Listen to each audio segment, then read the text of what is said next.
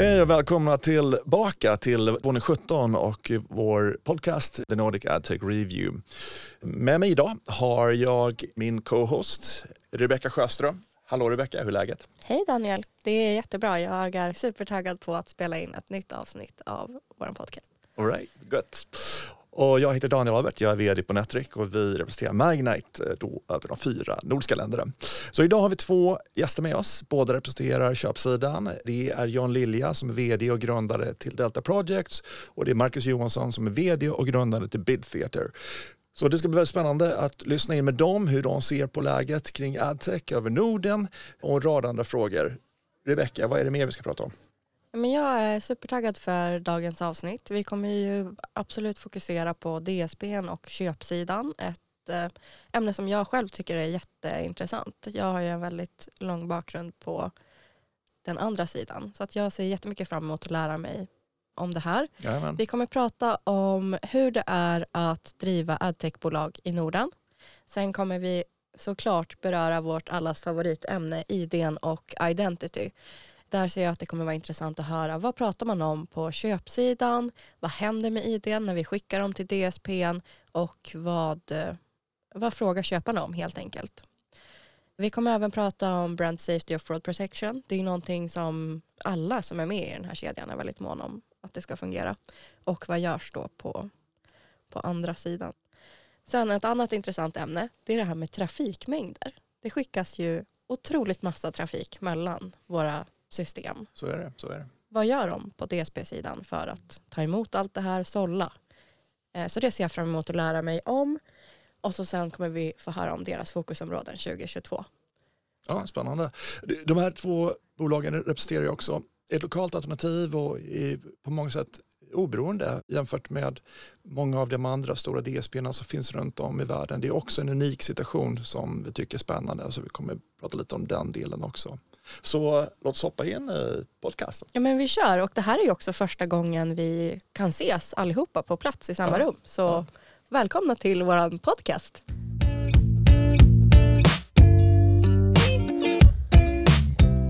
Jag tänkte att vi kunde börja med lite introduktioner där ni får berätta lite om vilka ni är och vad ni har gjort tidigare i er karriär och vad ni håller på med nu. Så jag tänkte Marcus om du vill börja. All right. Marcus Johansson, då, vd och grundare på Bid Theater. Min bakgrund är, eh, jag gillar programmering. Så skriver mycket kod i mina dagar och halkade in på adtech-spåret runt 2006 när jag hamnade på ett bolag som heter Agent Interactive som byggde ett affiliate-nätverk. Eller det började väl egentligen som att de byggde, de var rådgivande för annonsörer i vilka affiliate-nätverk de skulle använda sig av. Och så kom jag in och förstörde det genom att bygga egen teknik åt oss. Så vi blev konkurrerande istället med Trade Doubler och Son också. Commission Junction och allt vad de hette. Men äh, på den vägen så började vi mäta klick och konverteringar och sådana saker. Och några år senare så startade jag Bidtheater då som är en DSP. Och vad gör du där? Där är jag eh, vd idag och gör väl väldigt mycket olika saker. Försöker bygga bolaget på olika vis. Anställa folk och se till att vi gör rätt saker eller låter bli att göra fel saker som jag nästan ser det som. det är många aspekter av att sköta en DSP. Rent tekniskt så är det en ganska komplex produkt. Alla tänkbara utmaningar vilket gör det kul. Allt från liksom, det måste gå fort, det måste vara robust, säkert, användarvänligt. You name it. Vad kul. John, vill du berätta lite om dig också? Ja, eh, Jo- Jon Lilje heter jag. Eh, jag är grundare och vd på Delta Projects. Och jag kom liksom in i den här... Jag började jobba i webbranschen när den startade, så här runt 96. Och körde webbyråer då. Rakt in i kaklet. Som det fanns något som hette dotcom-kraschen som alla äldre minns, kanske inte de yngre. Vid den tidpunkten så var jag färdig med att jobba som konsult och ville börja erbjuda någon produkt som kunde liksom nyttjas av fler så vi kunde samla liksom någon form av kunskap i en produkt som gick att distribuera.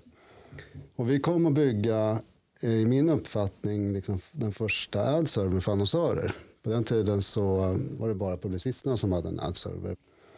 Och det förändrade ju branschen när annonsören plötsligt satt på eh, information om hur deras kampanjer hade gått. Kanske inte hade fått allt med det de hade köpt eller betalt för och kunde se dubbelteckningar och, och kunde på det här sättet börja ha preferenser på ett nytt sätt.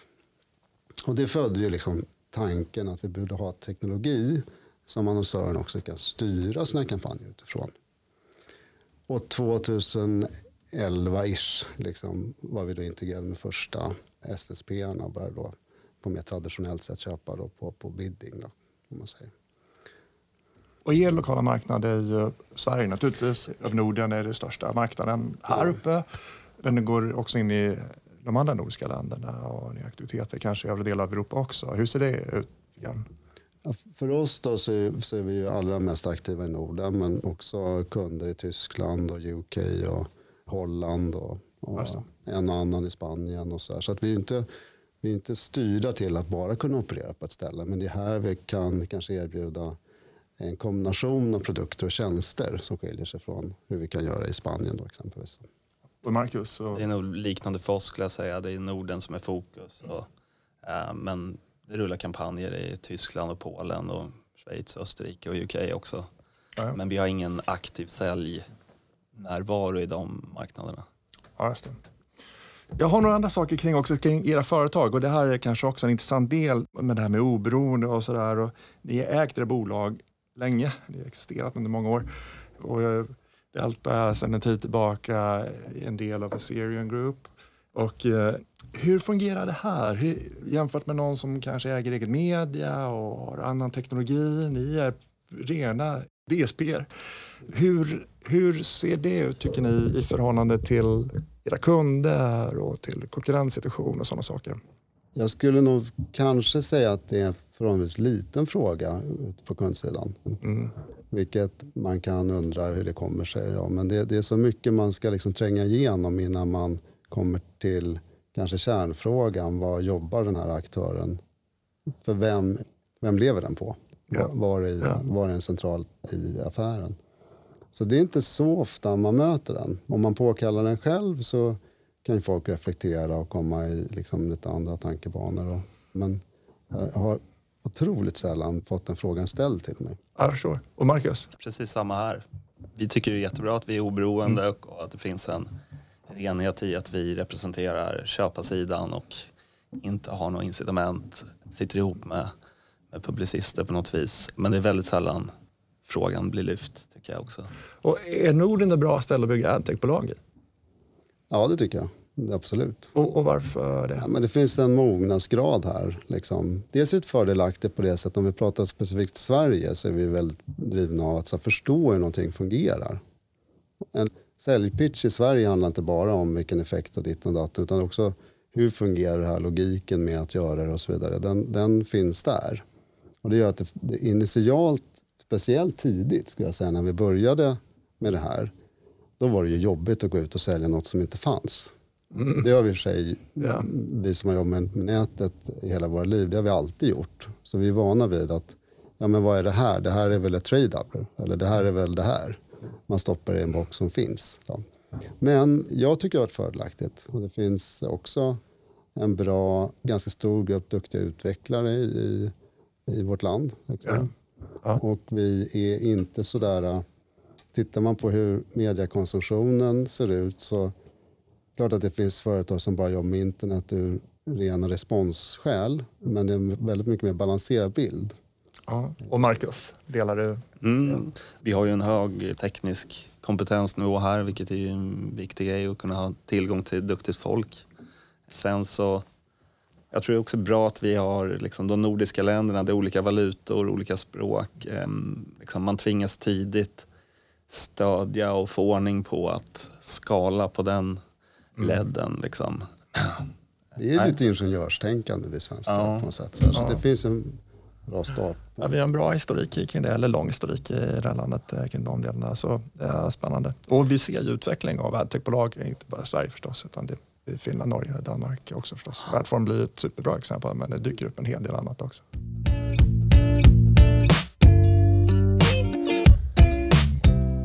Jag har ett annat ämne som jag skulle vilja prata om och det är ju kanske ingen överraskning att det är identity. Det pratas ju om i alla olika forum och våra gäster tidigare som vi har haft från Publicistsidan har varit här och delat med sig av hur de jobbar i den här frågan. Och för att sammanfatta det lite grann så skulle jag se det som tre olika spår. Ett är ju då Googles flock som de jobbar med. Sen har vi att publicister börjar kolla på sin första partsdata. Att man verkligen tar vara på den. Man ser över sina datastrategier och ser vad man kan tillföra i frågan från sitt håll. Och sen har vi den tredje delen och det är alla dessa olika ID-leverantörer som finns att välja mellan. Och då skulle jag jättegärna vilja höra från ert håll. Hur jobbar ni med det här och vad händer med de här idéerna när publicisten har kopplat på dem? Och... Jag trodde du summerade allting nu, så var det klart. Nej, men jag tror att det man känner lite som publicist att uh, nu skickar jag det här idet, men vad händer med det? Alltså när vi, nu är det i bid requesten, men vad händer när det kommer till, till DSPn? Alltså än så länge så funkar ju mycket som det alltid har gjort. Alltså med tredjeparts cookies går att sätta och vi gör user-synkning med de plattformar som vi är integrerade med för att lära oss varandras ID, ID-världar så att vi kan koppla ihop användardata med användarna. Men vi bevakar ju noga vad som händer här och förbereder oss inför, är det slutet av 2023 som Google har sagt att de kommer ta bort tredjeparts cookies i Chrome. Mm, vi får väl se. Ja, vi får se.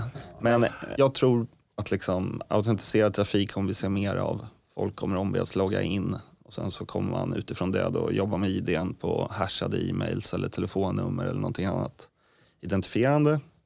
Och det kommer möjliggöra lite business as usual för den gruppen människor där annonsörer och publicister kan fortsätta veta att de pratar om samma person och vi sitter i mitten och, och kan vara en brygga i det. Och du är inne på att tredjepartskakor finns ju fortfarande så att då Mm. fortsätter man ju att använda dem. Men Safari och Firefox lockar ju Precis. redan det här. Vad händer med de idéerna i det fallet? Hjälper de till i de miljöerna? Som vi arbetar på att ofta så får du några olika idén att jobba med när vi mottar en bid request och ombeds att vi tillfrågas om vi är intresserade av att köpa en, eh, en annonsvisning.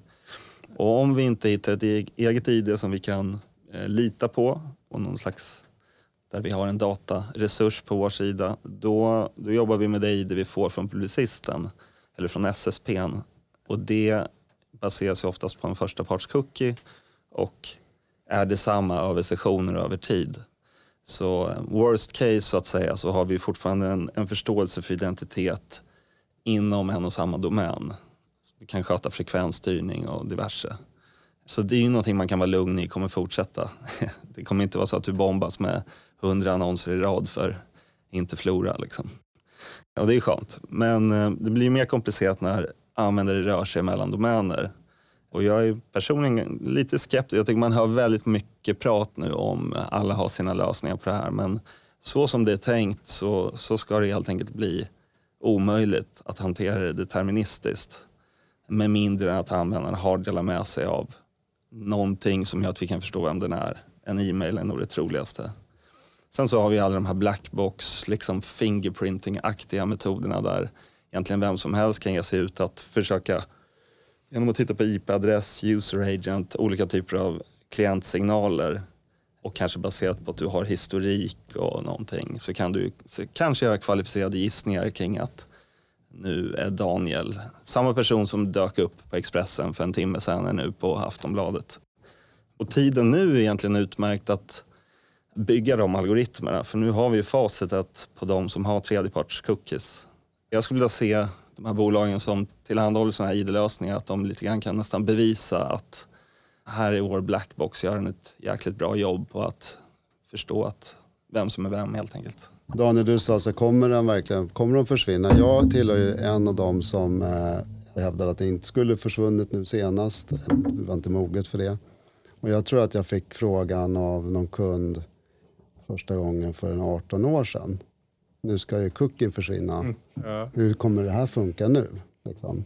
Men jag menar, nu har vi hållit på och ställt den här frågan i så många år och nu finns det ju business, eh, det är ju verksamheter de här blackboxbolagen du pratar om som bygger upp affärer som startups och ska ta en position i de här områdena. bolag som tillhandahåller Nej, men som i- försöker processa någonting som ska upplevas som, ett, som en, eh, en identifierare som är, Mm. det är svårt Right. utifrån att verifiera hur den är gjord. Om man säger så. apropå det då, det är svårt att undvika Google i sammanhanget eh, som också har uttryckt en ambition att de naturligtvis var en del av lösningen och Privacy Sandbox existerar och en rad olika förslag som ligger där i olika grad av färdigställande och är numera lagt åt sidan av compliance-skäl mot GDPR och, och andra delar också för övrigt men, men det kanske det var det tyngsta. Nu finns Topics. Var tror ni det här kommer sluta? Kommer Topics vara en del som marknaden måste arbeta i ett sådant instrument eller kommer det klara den här auditen som behövs för, för GDPR-compliance och en rad andra saker också?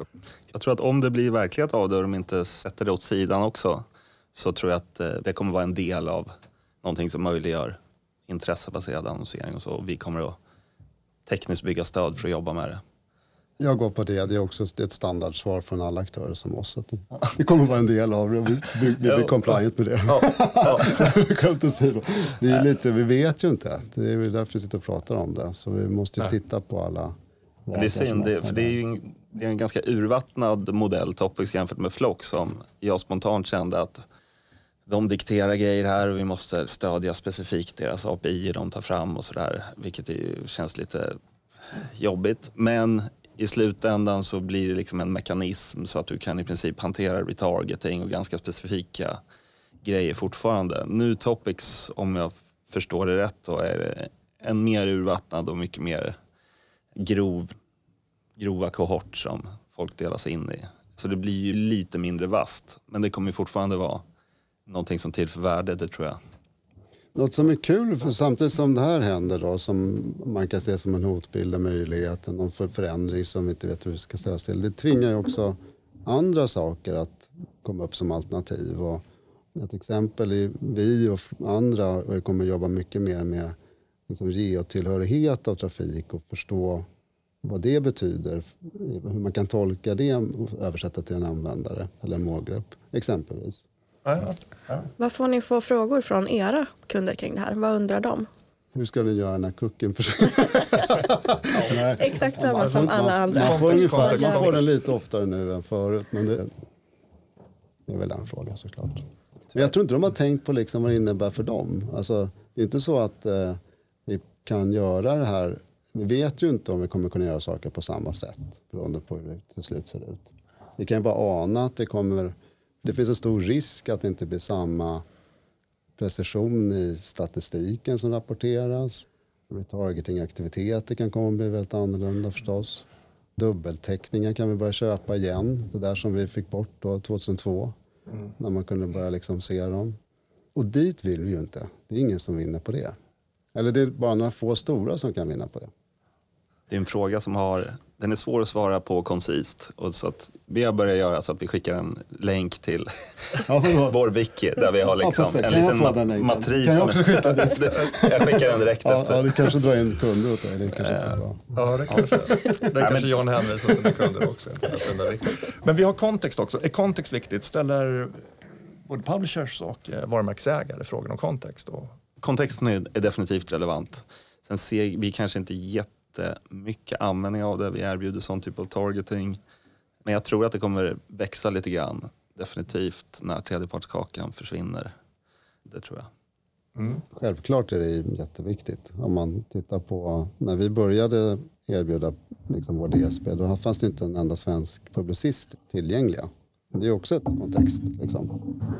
Idag kanske 80 procent av våra kunders snittbudget i alla fall går på publicister som finns i sin egna marknad där kampanjen går. Så det är ju ett kontext som är liksom såklart. Men sen har vi alltid försökt hitta ett sätt om du tänker en gammal mediekampanj som gick på fyra, fem sajter, då var det ganska lätt att hålla ordning på den. De här kampanjerna kan ju nu gå på många fler naturligtvis. Då.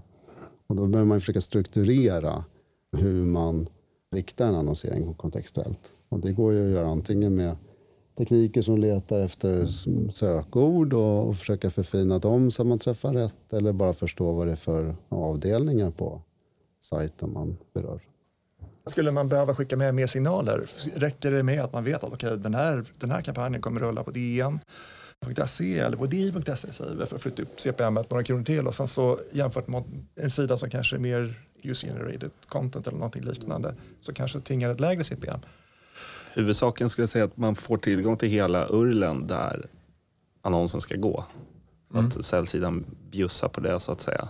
Och sen har vi våra egna metoder för att då spindla och förstå vad står det på den sidan. Leta efter nyckelord exempelvis. Amen. Problematiken med i den mån man får signaler från säljsidan är att vi har så många olika integrationer. Så det är ändå, och alla har sin taxonomi och sina sätt att dela med sig av saker. Vi behöver ha någon slags uniformt sätt att erbjuda targeting till våra kunder och de kampanjer som finns. Så därför måste vi nästan flytta upp ägandeskapet av det till vår egen teknik. Liksom. Jag tror att det där är en grej som kanske kan låta lite lustigt för att vår bransch brukar skapa standard i just den här typen av bolag som vi bedriver och, och, och liknande brukar skapa standarder för att om vi låter alla publicister säga själva vad de har då måste vi kunna garantera att de följer samma sätt att kategorisera det här. Det är ju närmast det är ett ganska Precis. komplext jobb om man skulle börja, när man börjar titta på det. För vi har också jobbat med kategorisering själva och vet hur svårt det är. Och haft lite roligt när vi har sett till exempel Google har en kategoriseringsmodell som publicister kan välja. Och då ser man väldigt ofta hur en publicist väljer en kategori av målgrupp de vill ha. Mm. Snarare än vad det är för content de själva liksom erbjuder. Så det är ett exempel. Då. Jag tycker generellt vi som DSP skulle vara mycket närmare den lokala marknaden på det sättet att deras erbjudande skulle vara mer tydligt reflekterat i våra tekniker där kunden sitter och köper det. Och just för till exempel... erbjudande? Ja, ja, det är det vi mm. köper. Mm.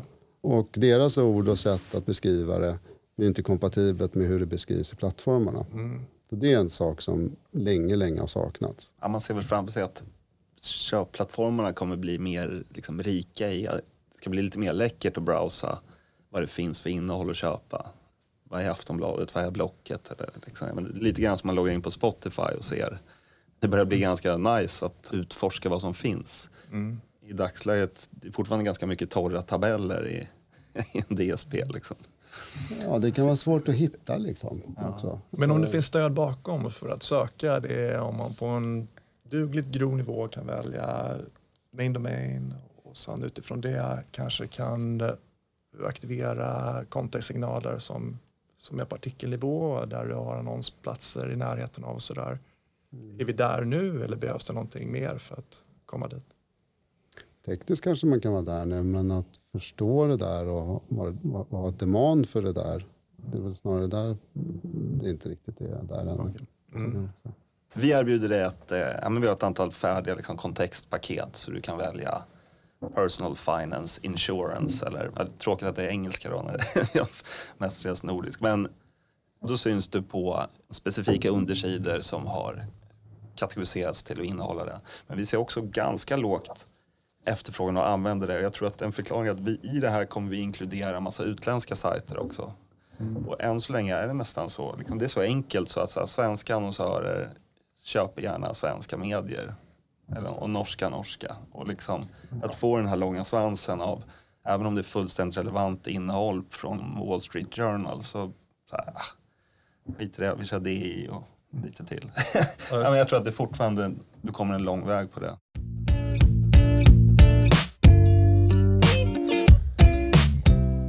Vi skickar ju, och med vi då menar jag oss som SSP, inte bara ID till er som DSP utan även en massa trafik. Och man kollar ju på publicistsidan väldigt mycket på sin integration och man kan skicka både client-side-trafik, man kan även skicka den via prebid server och samma trafik kan komma från flera olika bidders. Hur ser man på det från DSP-sidan, att det är så otroliga mängder trafik att kolla på? Det kom ju sig av att aktörer började vara både SSP och DSP. Och hade, plötsligt fanns det teknologier som hade preferenser på vissa SSP. Eller jobbade globalt så att man inte hade liksom insyn i lokala marknaden. Och då kom ju logiken, om jag stoppar in fler SSP så får jag ju sälja mer. Liksom. Och det gjorde ju helt plötsligt att stoppar man in tre SSP då fick vi ju tre anrop på, på samma besök. Det kostar ju pengar liksom att hantera, processa och el går åt och miljöförstöring för något som är meningslöst kan man tycka. Men givet en imperfektion i marknaden så kan man säga att det kanske fyller något syfte då. Prebid kan ju förändra på det sättet om, om en DSP jobbar direkt i den att den inte får dubbletter. Det är ju en uppenbar liksom, skillnad då, till exempel. Och hur sorterar man i all den här trafiken som man mottar? Ja, eh, i dagsläget så, precis som du säger, vi mottar en väldig massa inkommande trafik och en och samma annonsvisning kanske når oss på fem, sex sätt i väldigt tät följd från flera olika SSP. I dagsläget så bara gillar vi läget. Vi har inte tagit initiativ för att liksom stänga av specifika källor och besluta sig för att vi jobbar bara med en SSP för en viss sajt och sådär. Får se framöver om det finns anledning och vi, vi har lagt lite grund för att monitorera kvalitet för en och samma domän utifrån vilken koppling det är. Och ser man liksom mönster att konsekvent någon SSP eller några är på alla mätbara relevanta sätt sämre till exempel, ja men då kanske inte finns någon anledning att fortsätta processa det. Det är ju som John säger, det, det kostar pengar. Och sen är det ju en användarvänlighetsmässig aspekt av det också, att det är lite trist när man presenterar tillgängligt innehåll att en och samma sajt dyker upp på sju olika sätt. Mm. det vore trevligt om den syntes på ett sätt bara. Men det är ju den där balansen mellan, vi vill vara ett transparent verktyg som inte gör en massa paketeringar i onödan utan låter köpare själv se vad finns där ute och ta beslutet från det. Det vi tycker som blir spännande här då är förstås att ni tillför en dimension på en lokal marknad som i allra högsta grad är nödvändig. För den ska fungera och vara hälsosam och det ska finnas alternativ och bara eh, utan att kunna veta att du faktiskt förhåller sig på det här viset. Men det låter ju som en intressant tes att ni skulle titta på mer av den lokala trafiken för att kunna erbjuda ja, men vår, vår ambition från början har alltid varit att ta emot allt där ja, vi är intresserade av att handla i den utsträckning det går. Det är samma här. Och vi har också byggt vår teknik och vår drift för att det ska vara optimerat för det. Jag kommer ihåg, vi hade eh. samtal back in the days, när vi, alltså kanske för sju, åtta år sedan, när vi satte upp deals för första gången. Okej, okay, varför flyger inte de här dealarna? Liksom, lyssnar ni på allting vi skickar? Mm. Och bara, ja, ja, ja, ja, vi tar emot allting och, och vi kommer lyssna på det. Mm. Och så var det säkert. Och det finns säkert tillfällen där vi ställt frågan till många och just då, det här, det här problemet har vuxit bort över tid. Men jag tror att i många fall så var det något så att man, man var helt enkelt tvungen bara att stänga ner del av trafiken för det blev bara för dyrt att lyssna på allting. Jag tänker på Prebid, har det varit bra eller har det varit mindre bra för er som DSPs? Både och. Alltså det dåliga är ju just det här att jag menar, det är ju snyggt om en sajt syns, har en identitet i ekosystemet på något vis. Så det är ju tråkigt. I gengäld så tror jag att det har väl i någon mån förenklat accessen till inventory. Det är ju det viktigaste. Alla sajter hittar en väg fram nu, eller flera vägar fram. Det, liksom, det ökar ju likviditeten mellan köp och sälj. Och ni får access till allt inventory, ja. inte bara det som kommer efter IOS. Och Precis, och, och säljsidan är väl gladare för de tjänar mer pengar. Jag tror att Prebid över, vi nu, kanske tre år, tre, fyra kanske med Prebid då här uppe. Mm. har existerat på 100% av våra publishers. Och det finns ingen annan container och det finns något bra med det för det är en bra open source lösning för publisher-sidan och den, den fungerar som den är tänkt helt enkelt. Och vad är vi idag? Det kanske är 500 utvecklare som tillfört kod till Prebid så det börjar bli ett stort instrument. Mm. Och det kommer fortsätta utveckla sig. Så vi tror att det, det kommer nog inte försvinna. Jag tror att det är utmärkt att sätta press Nej, på. Precis. Nej, men det är en accesspunkt, en routing-grej. Men just det fenomenet när man jobbar direkt med DSP, det är inte alltid lika det, vanligt. Det, det är ju, vad har vi idag? Vi har 400 bolag som, som bygger in stöd för Prebid som kan accessa inventory in mot Prebid idag. Men eh, det är ju flera andra typer av företag som gör det som kanske varit koncentrerade på buy-side eh, tidigare som nu del av, eh, kan vara en del, eller en bidder helt enkelt in i Prebid.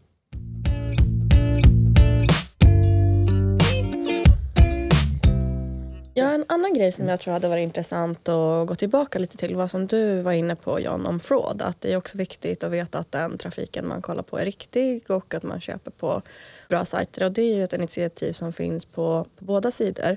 Och vi på Magnite gör ju väldigt mycket med, vi kollar alla sajter som finns i systemet, vi tackar nej till vissa. Sen gör vi också ganska mycket arbete och liksom mappa och sortera ut alla köpare och annonsörer som går i plattformen innan de förhandlar och liknande. Och det tänker jag att det måste ju finnas ett liknande arbete på er sida också. Hur jobbar ni med de här frågorna? Det är en kombination av saker. Vi, till att börja med, vi är ju så att säga ett steg nedanför kedjan från SSP. Så i den bästa världen så gör ju SSP bär ju den stora lasten av att detektera dåliga saker. Ni som träffar på den användaren direkt mm. och så skickar ni vidare det till oss som ni tycker att det här ser bra ut. Men vi litar inte bara på det utan det är klart vi har grejer också. Så vi jobbar med ja, men, några tredjepartsleverantörer som vi pixlar upp de flesta impressions vi köper så att de får ta en titt på dem. Just det. Och så rapporterar de helt enkelt, ofta en slags score kring tycker vi att det här är suspicious eller inte. Och det här är ju oftast liksom, det är sannolikheter vi talar om. Det är inte så att man bara vet att det där var dåligt det här var bra utan man får jobba med någon slags tröskelvärden för när man tycker att någonting känns konstigt. De tittar ju på helhetsbilden från olika publicist och supply-källor. Finns det en naturlig variation av distinkta user agents eller IPs och liksom när över tid dyker trafik upp och så vidare. Utifrån det så kan man fatta beslut. Och det här är helt automatiserat så att vi sen utifrån det här uppdaterar någon slags svartlistor eller vad man ska säga som exkluderar trafik. Så även om vi får bid request så kommer vi bara att ignorera det om man ligger där. Och är det då på IP-adressnivå eller hur? Både på IP och också rent en viss sajt. Okay. Det skulle kunna vara så att vi tycker att Rubicon Project, Expressen.se, någonting. Det är ett dåligt exempel för den, den är vit. Men att, man, att det ligger vissa sajter som så det här känns inte bra. Mm. Och sen har vi ren liksom, hemma, proprietär. Vi processar data och tittar på det vi ser och försöker knyta ihop det med i den mån vi har mätning hos våra annonsörer på vad som händer efter klick till exempel så kan man få en del intressant statistik kring hur ser kvaliteten ut och hur beter sig trafiken som kommer från olika sajter. Just ja, alltså om någon bara klickar och så händer inget mer. Exakt. Så det är inte ett riktigt klick. Precis, så man kan ju se saker. Liksom, att det här genereras en hälsosam mängd klick så allt ser bra ut men så det blir aldrig någon, någon slags levande trafik av det här. Ja, det kanske man efter ett tag tycker det, det vill man inte ha. Liksom. Ja, det är intressant. Ställer ni tillbaka frågan till SSP eller publishern och säger hej, det här tycker vi verkar lite konstigt? I dagsläget finns det egentligen ingen sån återkoppling. Det är ju, nej, det är ett automatiskt piano. Vi, I den mån vi detekterar någonting och flaggar upp det som dåligt så lägger vi det liksom i karantän under, jag tror det kan vara lite olika tid, men sen efter ett tag så ska det liksom rullas tillbaks in igen och få en ny chans. Det är den take vi har tagit hittills. Det är ett levande mm. ekosystem det här. Men, eh, mm. Och det är en otroligt viktig fråga för att behålla trovärdighet i uh, hela ekosystemet, att de här sakerna fungerar. Och ni har ju båda varit med över tio år i den här industrin och sett dess början och där vi befinner oss nu. Och min känsla är, och Rebecca du får hoppa in här också, så att, att vi alla har tagit många steg för att bli mycket, mycket bättre här. Och det finns ett ganska ambitiöst arbete sedan lång tid tillbaka inom Magnite hur man registrerar URLer och hur vi tittar på allt inventory som vi tar in och, och hur vi övervakar det över tid för att man ska hamna i så lite frågor som möjligt som har med det här att göra. Men fortfarande dyker det upp. Saker och ting utvecklar sig och det gör det även på den fronten där man faktiskt vill fråga det här systemet. Ja, ja, Intressant. Men innan vi rundar av den här podden så vill jag avsluta med att få höra från er båda vad ert fokus kommer vara det här året. John, vad kommer du fokusera på i år? Ja, vad är det viktigaste? Ja, det vill vi höra. Stor vad fråga. Vad kommer jag fokusera på i år? Risk för att bli tjatig, vi kommer ju såklart jobba med de här ID, mm. ID-hanteringsfrågorna, identity-grejerna såklart. Hitta vägar framåt kring de här nya digitala kanalerna. Det är en annan, liksom hur vi kommer jobba med utomhus och ljud och den här typen av grejer. Det är väl det och sen eh, i den här kontexten kring id-hantering och så här så kan det ju vara infrastrukturella saker det handlar om också för hur branschen funkar och jobbar liksom. Som eh, vi håller, försöker hålla på span på. Men det är nog inte så mycket som händer specifikt runt det i, just i år. Mm. Marcus, mm. 2022.